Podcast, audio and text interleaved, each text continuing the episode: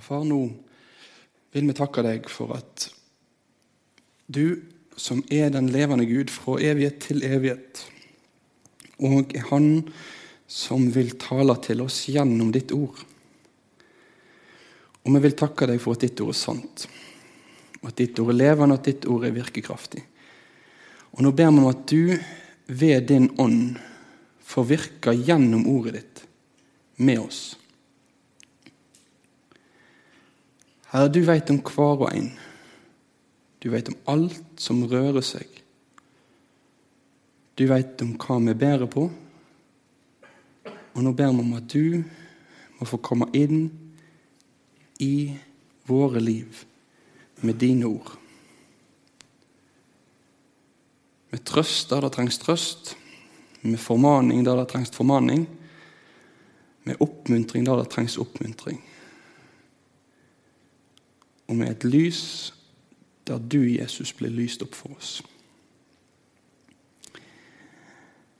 Vi legger kvelden videre i dine gode hender. Tal til oss, Herre. Dine tjenere hører. Amen.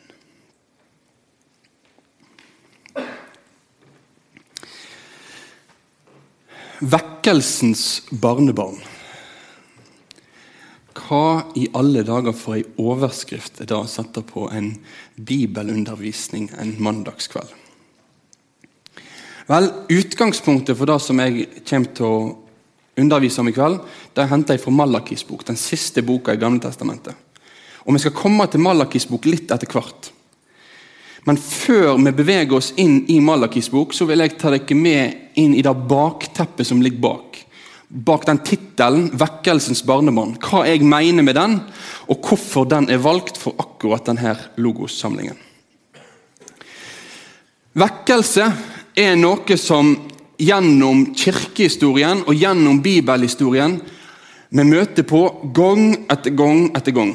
Vi kan snakke om at enkeltmennesket blir vekt men når det er snakk om ei vekkelsestid, så er det ei tid i historien der Gud på en spesiell måte ved sin ånd arbeider blant mennesker. Arbeider blant mennesker sånn at mennesker i den tida begynner å innse sannhetene om seg sjøl. Sannhetene om sin egen synd. Sannhetene om deres behov for Jesus som frelser.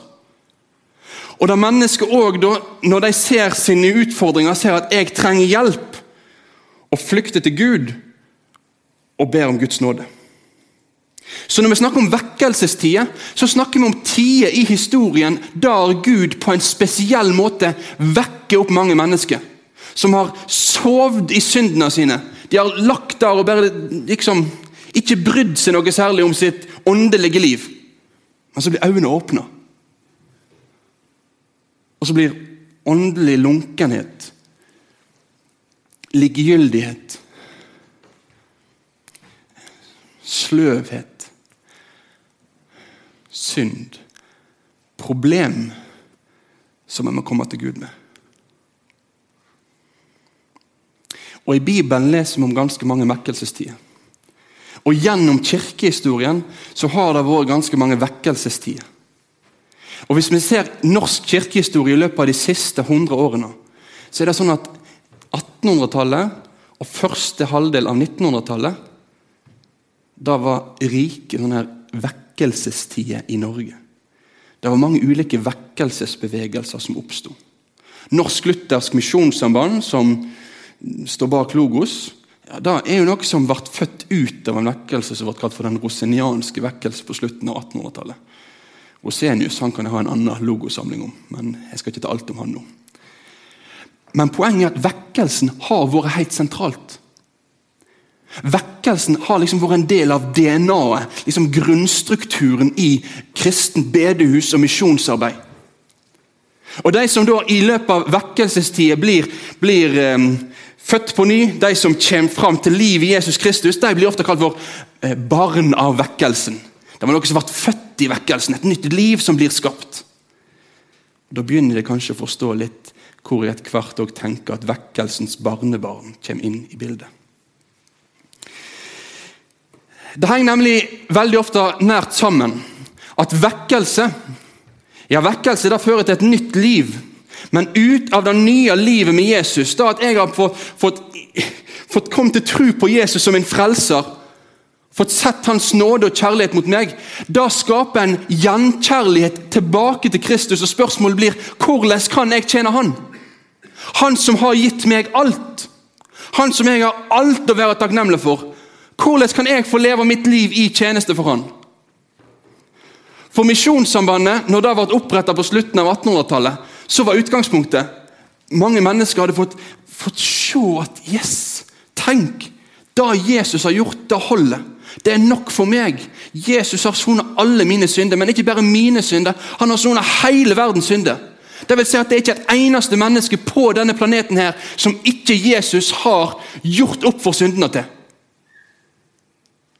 Og så er det noen som hører at i Kina, langt borte, bor det millioner på millioner på millioner på mennesker som aldri har hatt mulighet til å høre om Jesus. Og noe blir vekt. De må få høre. Han som har frelst meg, han må òg få frelse deg. Og så begynner det et arbeid, og så begynner det et engasjement. Og så begynner misjonsbevegelser og organisasjoner for at mennesket skal få høre om Jesus. Og Så begynner bedehusarbeid, og så begynner det ene og det andre å bli oppretta. Fordi en har blitt satt i brann av Jesus. For hans sak og for hans rikes arbeid.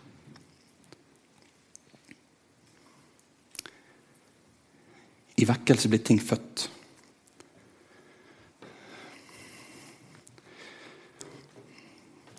Men hva skjer i neste generasjon? Hva skjer når bedehuslivet går mer tilbake til en vant hverdag? Når ja, mennesket våkner opp, mennesket kommer til tro på Jesus. Noen nye mennesker blir med i kristenflokkene.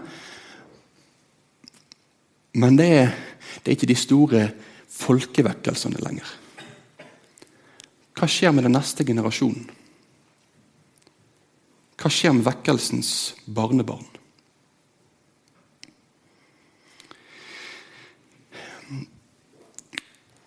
Når vekkelsestidene er i Bibelen og har vært i historien, så har veldig ofte det blitt kjennetegnet av at mennesket ser noe grunnleggende når det gjelder deres eget forhold til Gud.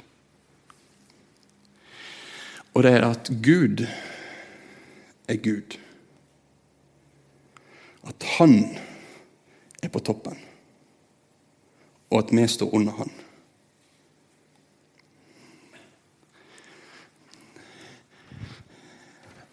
Noen av dere har kanskje hørt den misjonssangen som ofte blir sunget i sånn her NLM-sammenhenger, når jeg liksom skal være skikkelig sånn NLM-gira. Ja, Da synger en 'Din rikssak Jesus være skal'. Min største herlighet, er det da? Ja, tror du det? Ja. Din rikssak. Gud er du.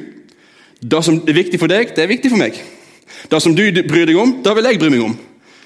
Takk at jeg også fikk ditt kall og skal få være med. Det er en retning på det. Gud sier 'gå', og jeg sier 'yes, jeg vil gå'. Gud sier 'den veien', og jeg sier 'jeg vil være med'. Gud sier 'mennesker i Kina har ikke hørt om Jesus'. Jeg sier 'da må vi reise til Kina'. Det er en retning på det. Men det som veldig lett skjer, det er at når det går ei tid, og hverdagen kommer, og de lyse fargene ifra, den varme vekkelsestida etter hvert begynner liksom å, å kjølnes ned litt, så kan dette forholdet her veldig lett bli snudd på hodet. At i stedet for at i mitt liv og i ditt liv det er sånn at jeg tenker ut ifra at Gud er den Gud som sitter på tronen, og Gud er den Gud som bestemmer, Gud er den Gud som jeg må forholde meg til som Gud. At hans rikssak skal få være min retning. At det han vil, er det som skal få være toneangivende for mitt liv. Så snur jeg det på hodet. Og så er det Guds folk som sitter på toppen. Og så blir Gud. Jeg skriver Gud her med liten g. og Det provoserer meg nesten å skrive det. Men grunnen til at jeg skriver det, det er at det er sånn mennesker veldig lett kan begynne å behandle Gud. At han er liksom en vi kan ha med på laget. Det er noe vi som bestemmer. Vi gjør noe sånn som vi vil, og så ja. Så må nå Gud bare innrette seg etter det.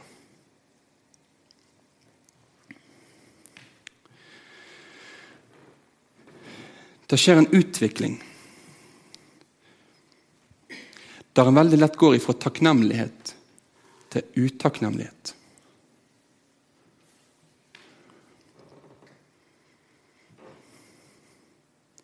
Der én generasjon kan ha vært preget av takk. Takk at du tok mine byrder, et høgfjell av skuld og skam. Ta det helt med ro. Jeg skal ikke sitere hele sangboka i dag. altså. Dette blir en utakknemlighet. At når jeg ber, så har jeg egentlig veldig lite å takke Gud for.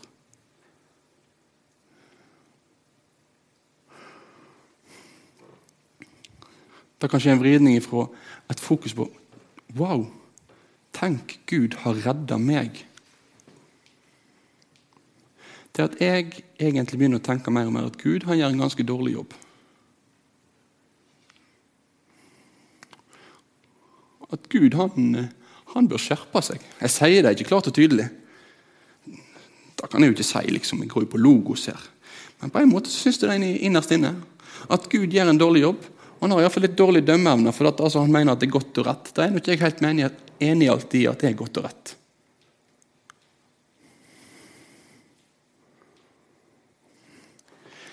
Det skjer en utvikling ifra at Gud og livet med Gud gir mening.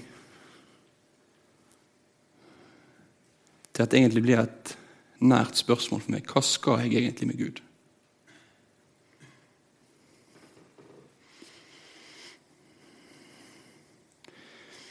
Det kan skje en utvikling der jeg går ifra å stille meg spørsmålet hvordan kan jeg innrette livet mitt til hans ære?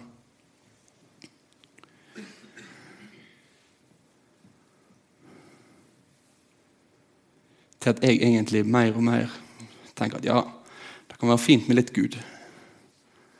Det kan være fint å komme innom på et møte. Det kan være fint å gå på Logos en mandagskveld, kanskje på et møte en lørdagskveld. Men når jeg er på arbeid, når jeg er på studieplassen min, når jeg er med vennene mine, når jeg er på byen, når jeg er der som jeg er, da er det jeg som bestemmer.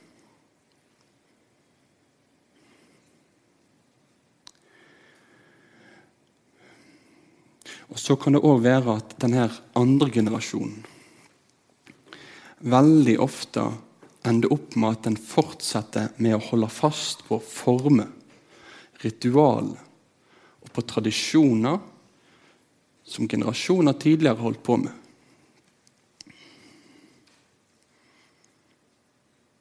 Jeg vet at Når vi er en del av en kristen bevegelse, er det en del ting vi holder på med. Vi går nå på møte, så da får nå jeg å gjøre. Så fortsetter jeg bare i samme sporet. Så har jeg liksom alt dette ytre rammeverket på plass. Jeg har kanskje bibelgruppa på plass òg, for dette bør jo kanskje være med. Men hjertet mitt, det er mitt. Hjertet mitt, det får ikke Gud noe å gjøre handlingene mine. De gjør jeg som jeg vil med.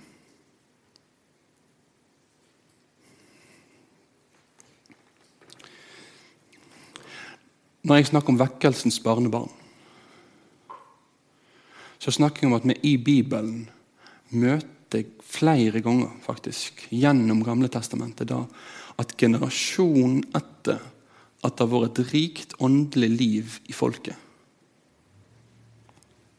så går det noen tiår, og så står en igjen med mye aktivitet. Så står en igjen med mye ramme. Så står en igjen med en del av de faste tingene, Men folket bryr seg ikke om Gud.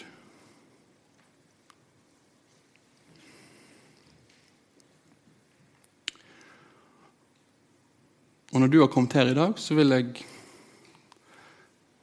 òg stille spørsmålet Hvordan er dette her i ditt liv og i mitt liv?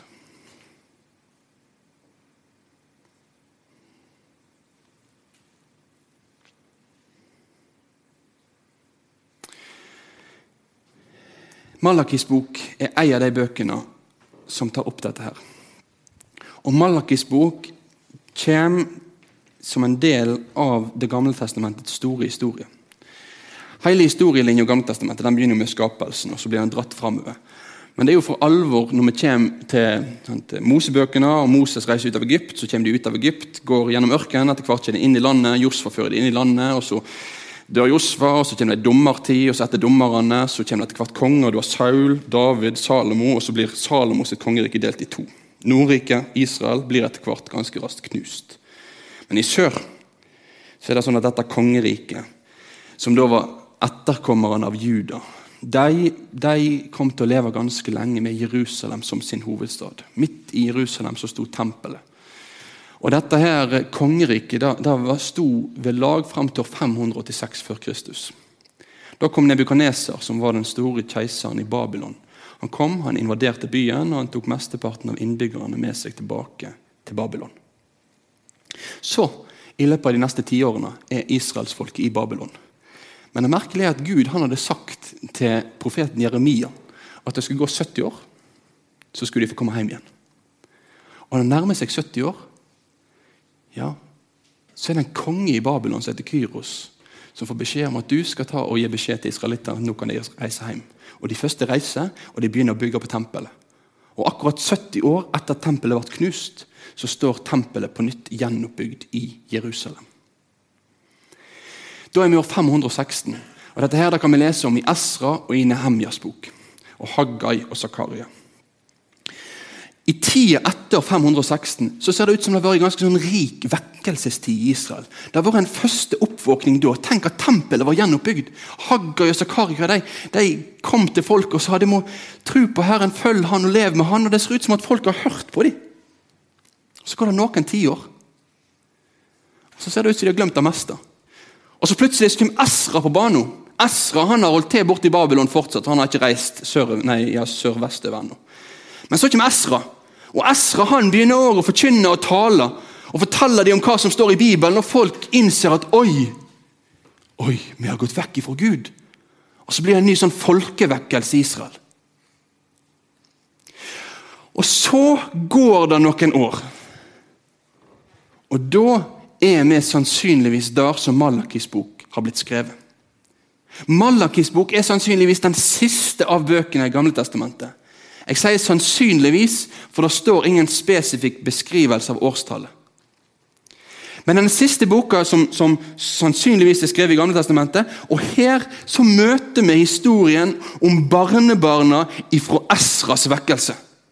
En stor, gjennomgripende folkevekkelse. Det er ganske ekstremt å lese i Esras bok og i Nehemjas bok om hvordan folk gråt og ba og ropte til Gud om at han måtte miskunne seg over dem. Det, er det, det der er liksom ikke noe bare sånn overfladisk. Sånn, ja, 'Tilgi meg, Gud, please'. Nei, det, Da knuser de virkelig på en sånn måte at, at de bare må legge seg flat for Gud.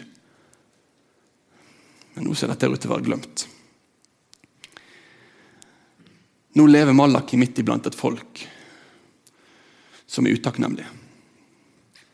Et folk som egentlig mener at Gud han bør skjerpe seg. Et folk som kanskje ikke sier det rett ut, men i sin holdning til livet ser ut til å ånde av at de tenker at vi, vi er egentlig ganske bra.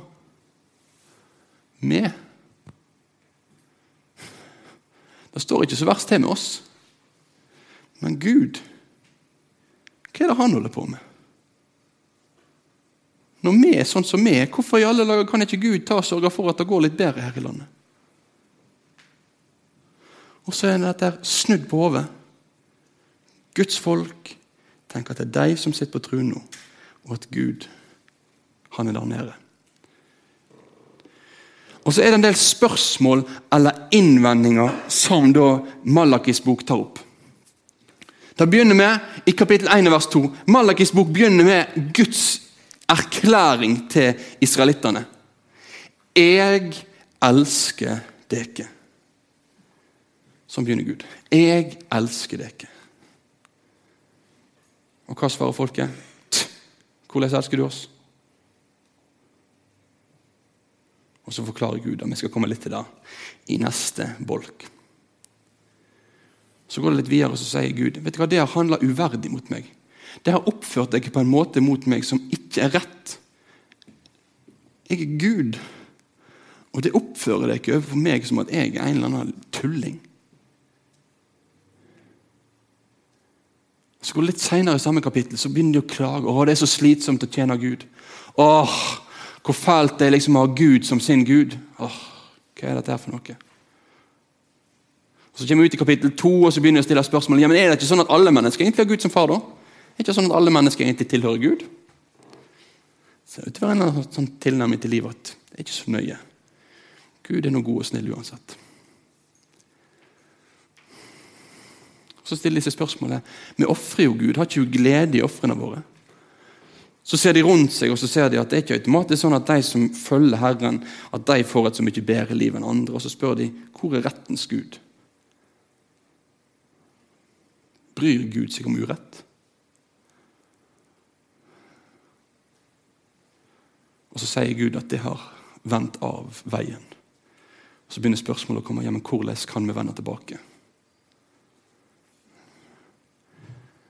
Og så blir egentlig folket sin holdning oppsummert i slutten av boka. Med at folket sier vet du hva? det er egentlig nytteløst å tjene Gud. Det er ikke noe poeng i. Hva skal jeg egentlig med Gud i mitt, min hverdag og mitt liv?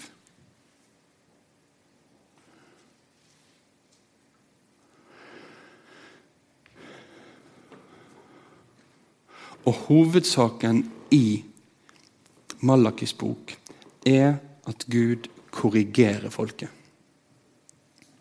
At Gud kommer inn til folket. Inn til de menneskene som har fått en forvridd forståelse av seg sjøl og av Herren. Og så vil han snu det om. Og Dette handler både om at folket misforstår hvem Gud er, og hva Gud vil. Og det handler om at folk misforstår hvem de er, og hvordan det egentlig står til med dem. Og Nå så kommer Gud i Malakis bok inn her og sier det må skje noe med hvordan det ser på verden. Det er en forvridd virkelighetsforståelse. Det må bli omvendt.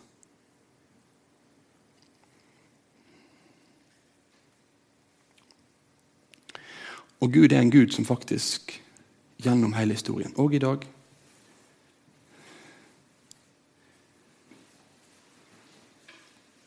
kommer til oss og ber oss å snu oss til Han.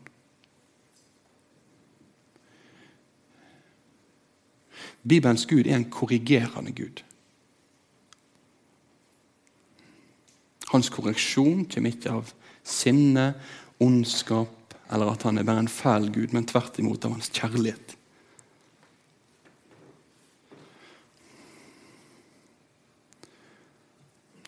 Og Sånn er han òg.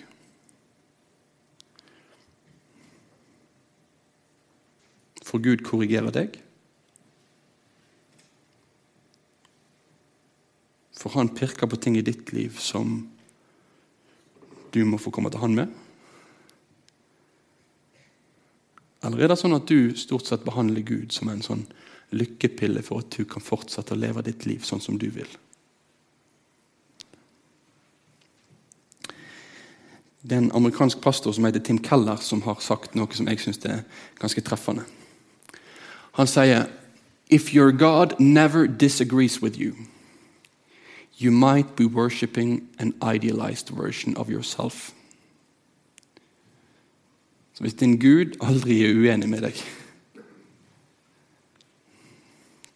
Tilbyr du egentlig Gud eller deg sjøl?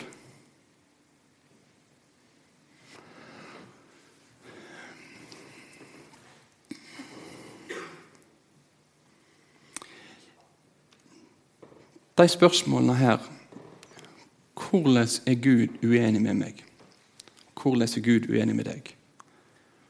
Og Hvordan vil han korrigere vår forståelse av hvem han er, og hvordan du lever? Det er faktisk to spørsmål som jeg vil utfordre deg på at du skal ta med deg nå i pausen. Tenk litt på dem. De skal slippe å ha sånn veldig trykkende samtaler på, på pausen og alle sammen, at de må spørre hverandre ja, hvordan er det for deg, hvordan er det for deg. Men at det handler faktisk om deg og Gud. Om ditt forhold til Han.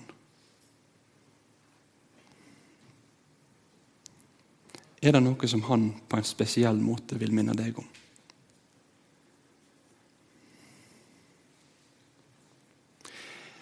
Etter pausen så skal vi fortsette med fire korrigeringer som han gjør til de som levde når Malaki levde. Og hva vi kan lære av de fire korrigeringene til vekkelsens barnebarn i dag òg. Men nå skal vi ta en pause.